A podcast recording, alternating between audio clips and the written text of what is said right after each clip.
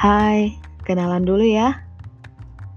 Aku dia, orangnya suka bercerita. Sebenarnya, tapi seringnya nggak berani untuk bercerita sama orang lain. Nggak tahu, kayaknya takut. Kalau-kalau nggak didengarkan ceritanya. Ya sudah, akhirnya aku bercerita bersama cermin, tumbuhan di depan rumah, dan kucingku yang namanya si Ameng. Karena ingin mencoba hal baru, akhirnya aku melahirkan podcast ini. Ya, barangkali aja ada yang mau mendengarkan ceritaku kan?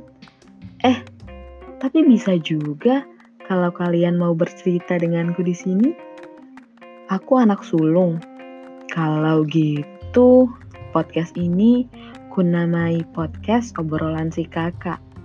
Ya karena aku bukan adik, bukan seorang introvert atau ekstrovert. Yang jelas, aku suka seblak. Apalagi seblak di stasiun Pondok Cina. Enak rasanya. Aku juga suka makan pecel lele bude di perempatan Soto Sewu. Aku suka keramaian, tapi kalau terlalu ramai, mending aku rebahan aja di kamar sambil dengerin podcast.